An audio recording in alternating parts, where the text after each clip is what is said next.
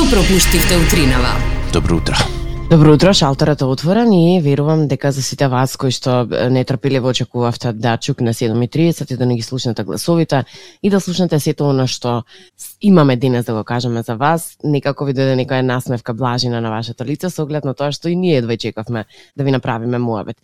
Во поглед на тоа каков ќе биде денот, денот ќе биде простете што ќе речам никаков, од проста причина што температурата баш нема да биде во наша полза, односно имаме вакво никакво некое облачно време, 8 степени, добро, тоа не е толку страшно, арно ама е, за наше изненадување, оној дождот кој што беше за Најавен? вечерва најавен, е, се прелоцира за во 4 сабајле. О, Са, машала. петок према сабота 4 сабајле.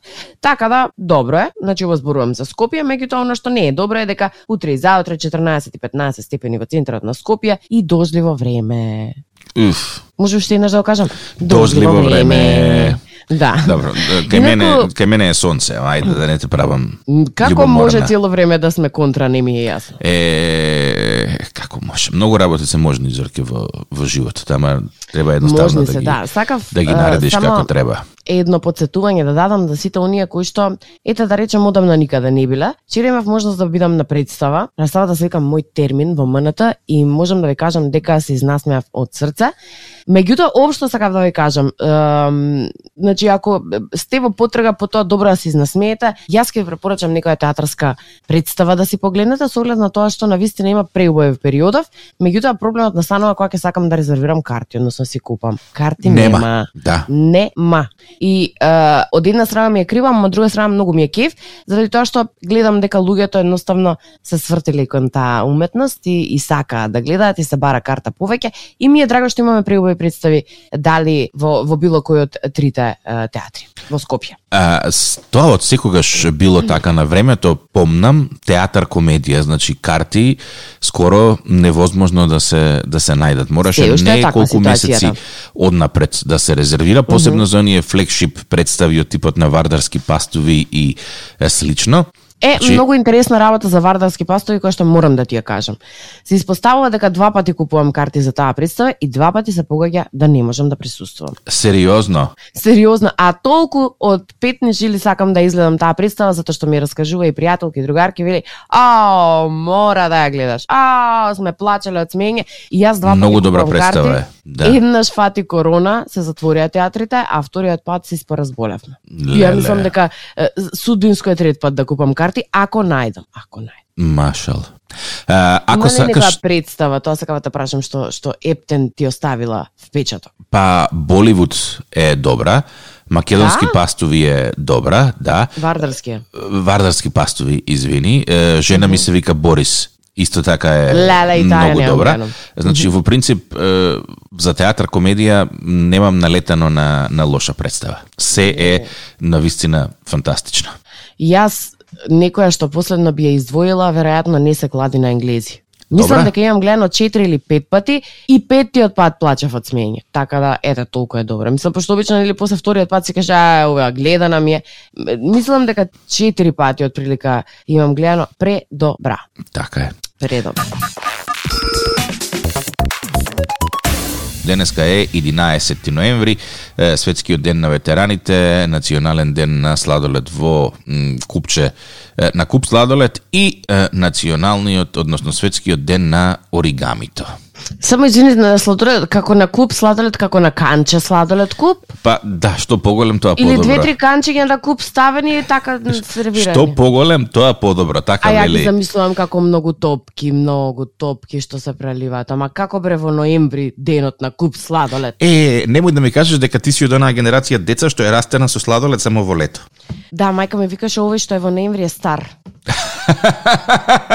Многу ми звучи познато знам- тоа. Сега знаеш како се подсетив на детството. Причини, да, Да. тоа го викаше или на вистина, а исто истото ми го кажуваше и во јуни. Де- Дека е стар? А, мама, ова е од минатата година, вика, лански сладолед е, не е овој тазе. А Осте, кога е тазете? Од, од јули доаѓа тазете, така? Тазето е во август. И само Оф, во август е тазе, после во септември па е бајат и така. Јас, Веројатно тоа од некои финансиски причини, непознати за мене. Не. Сега во, во тоа време, Сега познати, многу познати. Мислам дека може би не било толку до финансиските, колку до уплавот што го имаме кај нас, дека ако се јаде сладолед е, во било кој друг месец, освен во јули или август, ќе се разболиш, ќе те заболи грло, ќе добиеш баш вика, еден... во, во летно време треба да се пие малте не топло млако, а зимно време па некогаш и треба да се пие ладно, да се јаде ладно. Така е, јас... е, Чекај сега, е, едно прашање. Нескафе со 12 коцки мраз. Е, окей. Не е за зима, ама сладолед не бива. Така е. А може е бајат. Јас бев е, сведок на еден педијатар во странство кога на син ми, на тогашни колку негови три години, за болка во грлото му рече јади сладолед. И јас бев онакав чудо невиден, како балкански татко. Викам ти американски докторе, немаш појма како тоа сладолед ќе дадеш за болно грло. Сакаш дете во ангина да ми добие? Сакаш во неургентно да завршиме и ме гледа докторот, ме гледа, ме гледа и вика кој е овде доктор, јас или ти балкански татко? И викам добро, ајде ќе те послушам. се и повлече? јас се повлеков па нормално. Ај, добро. ти ми уапсе, ќе ми изфрлеа со обезбедување. И доаѓаме Така, дома, ако се испонашаш на доктора така одма? па сега Зорке ја реди поредок. Стигаме дома, дете во бара сладолед, јас викам нема, детето вика ама докторот рече, видов не видов, му дадов сладолед. Помина грлото. Помина. Да. И од тогаш викам, ајде, те боли грло, голтај сладолед. Сите, сите деца се радуваат. Па, место да пикаш сирупи и такви работи, вака по една топка сладолед и оп цуп тераме понатаму. Да, ама денес не е на едната топка сладолед светскиот ден, туку на Да, куп. Е, па, тука е проблемот. После На тоа куп повлекува, повлекува тоа после други проблеми од типот зошто сме гојазни, зошто сме дебели, зошто Чекај, немаме кондиција. кажам што А, не, не, не, не, не, првенствено еден проблем кој што се пројава кај куп сладолед е повикува друштво.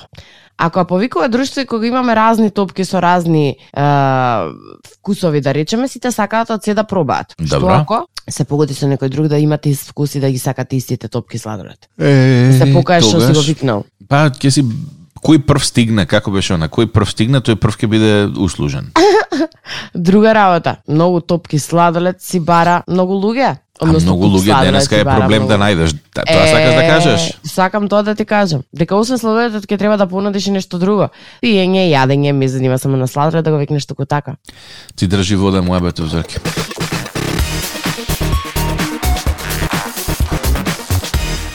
Еден од празниците кои што денеска се празнува е светскиот ден на оригамито.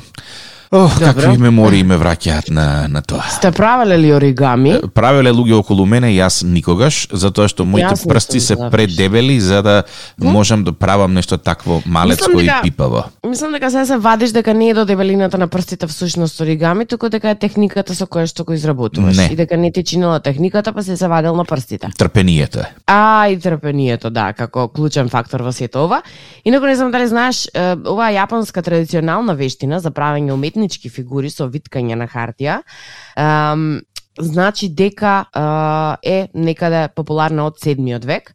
Односно, во Јапонија стасува во седмиот век малку подоцна од како во Кина измислена хартијата.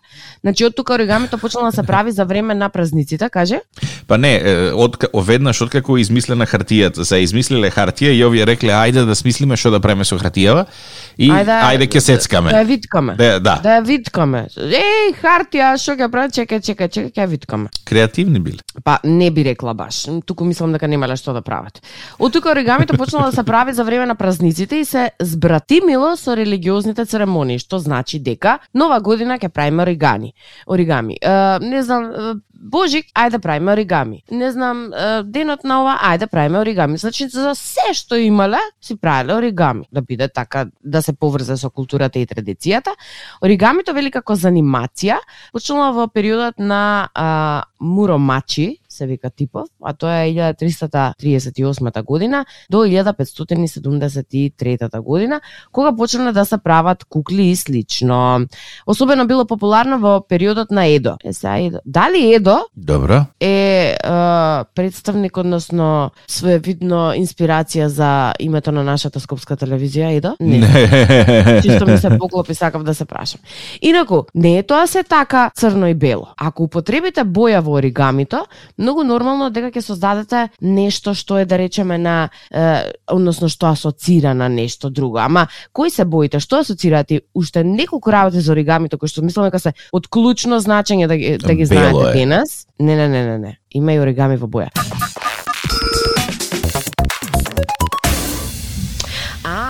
По повод светскиот ден на оригамито, зборуваме на тема оригами, неколку крајно непотребни факти кои што добро е да ги знаете чисто онака ради ајде да кажеме, ради реда. Е, кажавме дека нити јас нити ти не сме направиле во овој наш живот оригами до сега што не е никогаш доцна тик-так да направиме да речеме некое. Инаку не. не знам дали знаеш дека ору и гами значи виткање хартија. И така го добило името. името. Да, е, да, колку креативно, креативно, браво. Да, значи за да направите оригами потребно вие хартија со површина од 15 см на 15, значи да биде совршен квадрат, ам, коткиче и од таму многу е важно дека не мора да биде секогаш во бела боја оригамито. Боите на создадените модели специфираат е, чувства и односи како на пример, ако направиш оригами во црвена хартија, тоа значи љубов и страст. Аха. Исто креативно, колку, не колку да, колку е, креативно, апсолутно на никој не би му текнало дека црвеното е љубов и страст. Нели? Вау, следно? А Нешто што е уште поспецифично е дека ако направите кафено оригами, тоа значи приземност, пријателство и лојалност. Додека пак зелената значи хармонија, рамнотежа и здравје. Пази го сега ова. Најпопуларна форма на оригами во денешно време, да убаво ќе го кажам, оризоу. Ај кажи го? Оризоу. Да, оризоу. Вид на штрк. А, некои веруваат дека доколку се направат илјада оризоу или штркови, оризоу. штрци, штркови. штркови. Ни тоа не ми беше овако, па штрци па ич. А, и да се поврзат заедно, може да се излечи човек од било каква болест. Добро. желбата. Да, За денес, него добро. Добро. Денес подарок од овој тип може да се најде покрај некои кревети во болниците во Јапонија. Се јас тоа си размислувам да боледувам, да речеме од нетрпение и да треба да направам илјада оризоу, оризоу, за да ги поставам дома. Оризоу. Ја мислам дека некаде на третото има да фрлам листови. Кажеш, и, и, и болна да биде ми што сака нека биде, ама јас ова не го трпам. Што сака нека. Е се не разбрав дали болниот треба да ги направи овие илјада оризоу. Не верувам дека некој болен. Замисли Зорке да си дома лежи со температура 40 болна Чекай, и ти вика да еве оризоу направи колку илјада. нема шанси. Не мора, нека бидам болна, нема проблем. Така што ете можеби на некого ќе му се најдат овие информации во смисла да си отвори ново хоби или да се позанимава малку повеќе или постручно. Јас би сакала да кажам, да не ме сватите погрешно, значи, мене ми е смешно ова со илјадаркава, ама имаме меѓу нас луѓе со вешти прсти кои што без проблем би ги направиле овие и секоја чест за тие луѓе. Јас, за жал, не сум една од нив. И тоа е тоа, треба да се помириме со фактите, како што се. Така што, убаво е, убаво. Или замисли, со никого се, кој е твоето хоби? Оризоу. Оризоу. Шо, шо правиш? Оризоу. Ке помисли дека готвам нешто со ориз. Оризо, што е рижото некој? Да. Не. Оризо. Рижото од штркови. Uh, од штрци, што би рекла јас. Uh, како и да е, uh, тоа беше тоа што сакав да ви го кажам за оригами, а од другата страна, она што е многу интересно, не знам дали си имал можност сега во скоро да гледаш од оние кратки uh, македонски филмови, односно серии. Сега Мислиш скоро? краткометражни што се по 15 па, минути да, што да, ги вадат да, по, 15, за по фестивали да. и слично, да. Е така, имаше еден таков кој што веројатно требаше да стане серија, но никогаш не го доживеа тоа. Многу ми е жал а, што што не се случи тоа така, меѓутоа е одличен за да го погледнете е страшно смешен. Сработи за а, Пепи и Муто. Ау. Кој што имав можност да го гледам пред ден два и права да ти кажам го гледав два пати затоа што има некои 17 минути се на се. Да. Солзи ми течеа, стомак ме болеше од смење, значи таква извадба секоја чест. И е, главната песна, односно уводната песна е една песна која што многу често ја слушаме на радио и со која што не зарази Маја, ќе ја поздравам, сигурно не слуша, а ти ме до зарази со истата песна, заради тоа што и на твое барење ја слушавме неколку пати, а сега јас ќе се обидам да ве заразам сите вас затоа што звучи перфектно. И оди некако вака.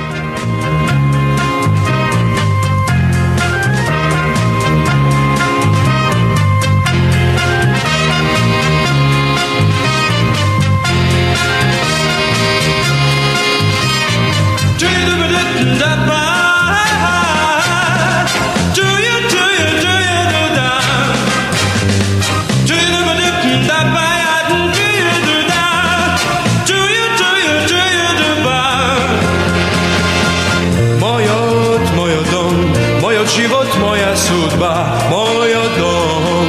Само така му е дружба, штом си појдов јас, замре глас. Ни сонце не го гре, барам, барам пац, да му вратам живот пак, оној прак, што во само сега тлеи, да ми се наслеј прозорец мал, лик srećen bi go zbral. Barem prezite so pesna da me prečekaj Otisja kako nebe, te bara mladost tebe. Barem potocite, ni srce da mi protečat Od oči da mi kapnat, sve de rodenka Domov. Me čeka sam, ko sonništa go gledam A kako poleži među nas, čina ocean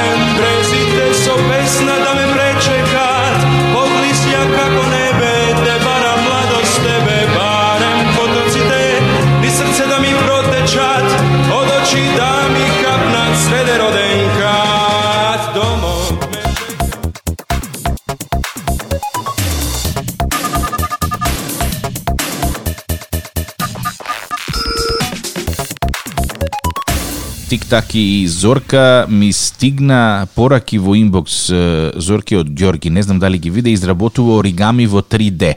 Неверојатно нешто, лебеди, сакси со Вау. цвеќе. Ги гледаш? И гледам и прашањето ми е колку трпение треба да имаш за да направиш нешто вакво. Претпоставам Многу. одговорот е многу и повеќе од многу заради тоа што ова е просто вау. Ако дозволи Ѓорги, јас би сакала една од овие фотографии да заврши на стори часовите, зашто на што тоа ние се воодушевуваме.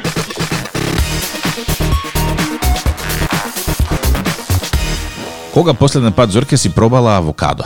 Пу, не се ни сеќавам. Не? М, Па, Многу сега е. скоро не беше. Многу ги Сигурно. препорачуваат како дел од кето диета, затоа што наводно содржи многу природни масноти, па здраво било за телото, па вака, па онака, а релативно скапичко е кај нас. Е, Е, арно, ама не само кај нас, скапичко е во глобални рамки и затоа се повеќе и повеќе некои готвачи се одлучуваат да не го користат во нивните е, манџи и подготовки.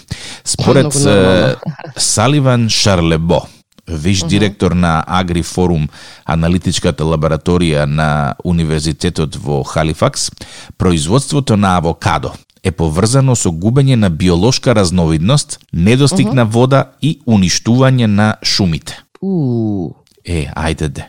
А, за едно авокадо да порасне, треба скоро 230 литри вода.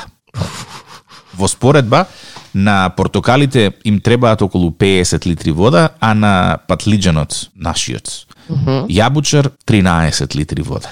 Значи, е, авокадото бара 20 пати повеќе вода од патлиџанот. И затоа што изискува многу вода, наркокартелите и бандите во Јужна Америка, каде што има најсоодветна клима за растење, се познати по тоа што бараат пари за заштита на авокадо платформи. така. И затоа што нели тука те рекетира еден, те рекетира друг, те рекетира трет, ова си голта вода ко камела во пустиња, останува цената. крајниот конзумент да плати висока цена за авокадо. А реално, е, ако не ставиш нешто внатре од типот на солца, лукче, па дури и шекер, авокадото нема апсолутно никаков вкус. Нема. Значи, убавината му е во тоа што можеш да го прилагодиш за она што е, тебе ти одговара, ама само такво да го јадеш и да го сркаш, тоа не личи на апсолутно ништо. Ама што е тука е.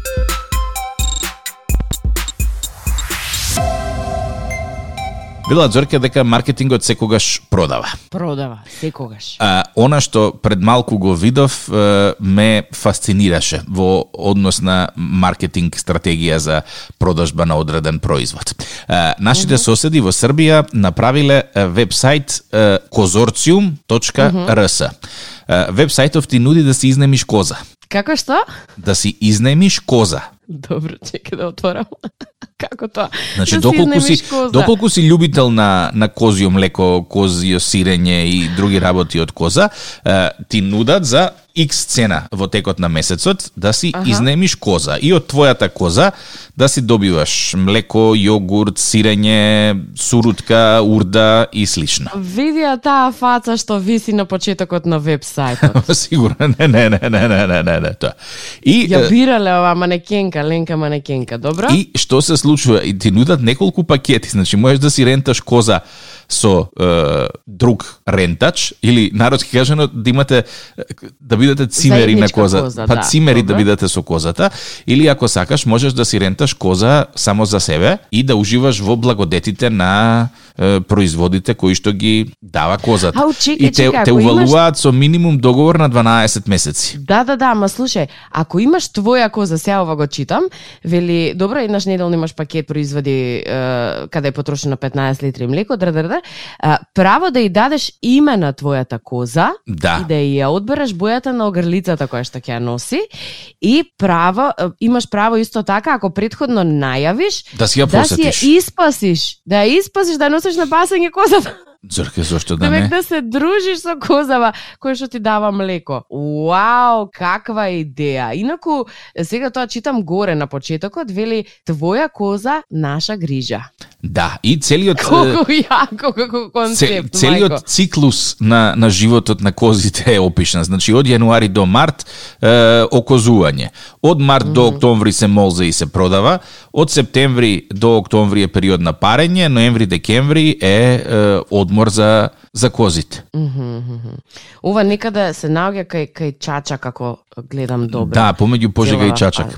Да. Ама ти не мораш ни да да знаеш кај се наоѓа, можеш веројатно да си платиш онлайн и да си ги чекаш е, производите на домашна адреса. Да, ама видиш, од, од, друга, од друга страна, па и не сакам да се врзувам емотивно со оној што ме прехранува. Знаеш, јас Па ја би сакала да кажам благодарам што произведувам млеко за ние дома да пиеме млекце кози А или како би си ја крстила сиренце. козата или јарето? О, козата како би ја крстила? Козата, чекај да ја видам во, во очи да ја погледнам, ќе ти кажам, одма ќе ми дојде. Ау, Зорке, колку си А. бизарна, мислам, како може тоа што го јадеш во очи да го гледаш? Па не јадам козио месо, ама пијам козио млеко. Да, не сум Да, баш. и сакам да ја заблагодарам со тоа што ќе дадам да речеме некоја жолта огрлица убава да стои. Па леле, а сме од дома да се донесе огрлица, сакам и Со капче да ја однесам. и капче да ја однесеш. Е, И капче, е, не може има рогови. Ама може да направиме дупки на капата за преку роговите. Зорке. Да, чекај да ја видам ме гледа, чекај, чекај. Женско име така, па да, Мисли. женско да. М, Мене текна на Зорка, ама после реков па нема смисла. ајде де. Па баш па на Зорка, вака која погледна на Зорка ти текна. Не, ама хм, хм, Луна веројатно би ја крстила. Ет, Зорка си ја крсти козата Да, Луна. кога може комшиите така да им се вика куќето, зашто да не памене козата, да речем.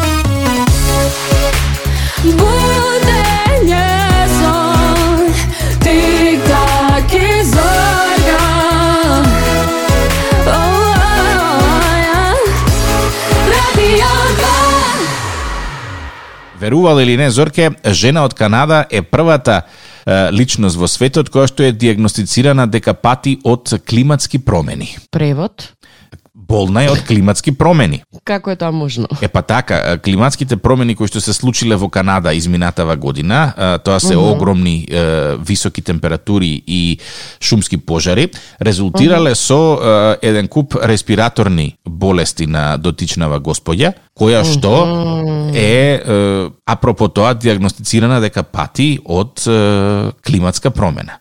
И вела доколку ги немало климатските промени, немало да се случи тој пожар и женава немало да заболи од тоа. Мене малку ми е чудно. Патиш од климатски промени. Кај нас во Скопје тогаш ако е Што треба да кажат нашиве луѓе? па да, дека патат од климатски промени. Види, кај Од нас Скопје патиме, од што од Скопје патите, господи? Господи, од Скопје патите. Зошто е тоа па многу гужва, многу проток на сообраќај, многу викање, многу градење. Е па од што патам? Е па од Скопје патите, господи. Тоа тоа е исто ти е така со климатскиве промени, па да се пресели на Марс. не мора на Марс, нека се просели некаде на пресели некаде на Скопска Црна Гора. Ти разбираш ке пати од Скопје тогаш. Е, не, Скопска Црна Гора е горе ова со климатските А, Изборам за со климатските промени. Кај да ја преселиш ке пати од климатски промени. така е што велиш, еднаш ги закачила, па секогаш ќе си ги носи. Се што е моje со себе си носам. Ако мислиш дека работите е, од чудни не може да станат почудни, е, само спреми се да го чуеш следново. А се однесува на храна за домашни миленици. Е, Пурина, тоа ти е фирма една за производство на кучешка храна, лансира нова линија на храна за кучиња и мачки, за која велат дека е поеколошка од е, оние типичните зрнца на месо што кучињата ги јадат. Значи се зорке се форсира на тема поеколошко, екофрендли, јаглероден футпринт и такви работи. А, почнувајќи од минатиот месец, а, компанијата ќе продава а, Purina Beyond Nature's Protein. Значи, а, кој што ќе биде на база на инсекти. Да си го хранам кучето со инсекти. Да. Во соопштението велат дека протеинот од инсекти потекнува од ларви на црни војнички мушички кои веќе се користат во добиточна храна во Европа. Велат дека добиточната храна која вклучува и просо и фава обезбедува протеини, енергија и влакна за да го помогне варењето. Компанијата тврди дека забележале зголемена побарувачка за разновидни извори на протеини за производи за храна на домашни миленици. А од друга страна, Многу научници одамна го промовираат јадењето бубачки како одржлива опција за храна не само за домашни миленици, туку и за луѓето. Само за подсетување во Азија јадат пржени е, бубачки. Е, се, си замислувам мојата куќа да му купам храна, да речеме, која што е од инсекти. И замисли повеќе протеин од мува имаат стан. Ви, ви, ви,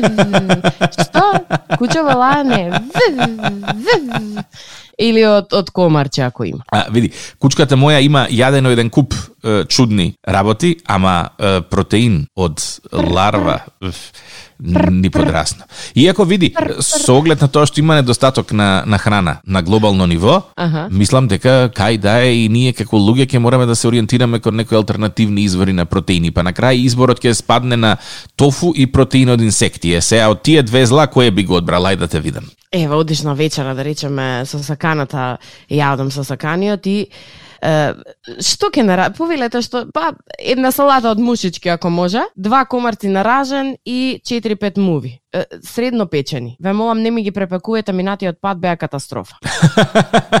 Добро утро, ова е Радио 2. Добро утро. На Радио 2, секој работен ден од 7.30. Будење со Тик-так и Зорка. Во случај на неконтролирано смеење и симптоми на позитивно расположение, консултирайте се со вашиот лекар или фармацевт.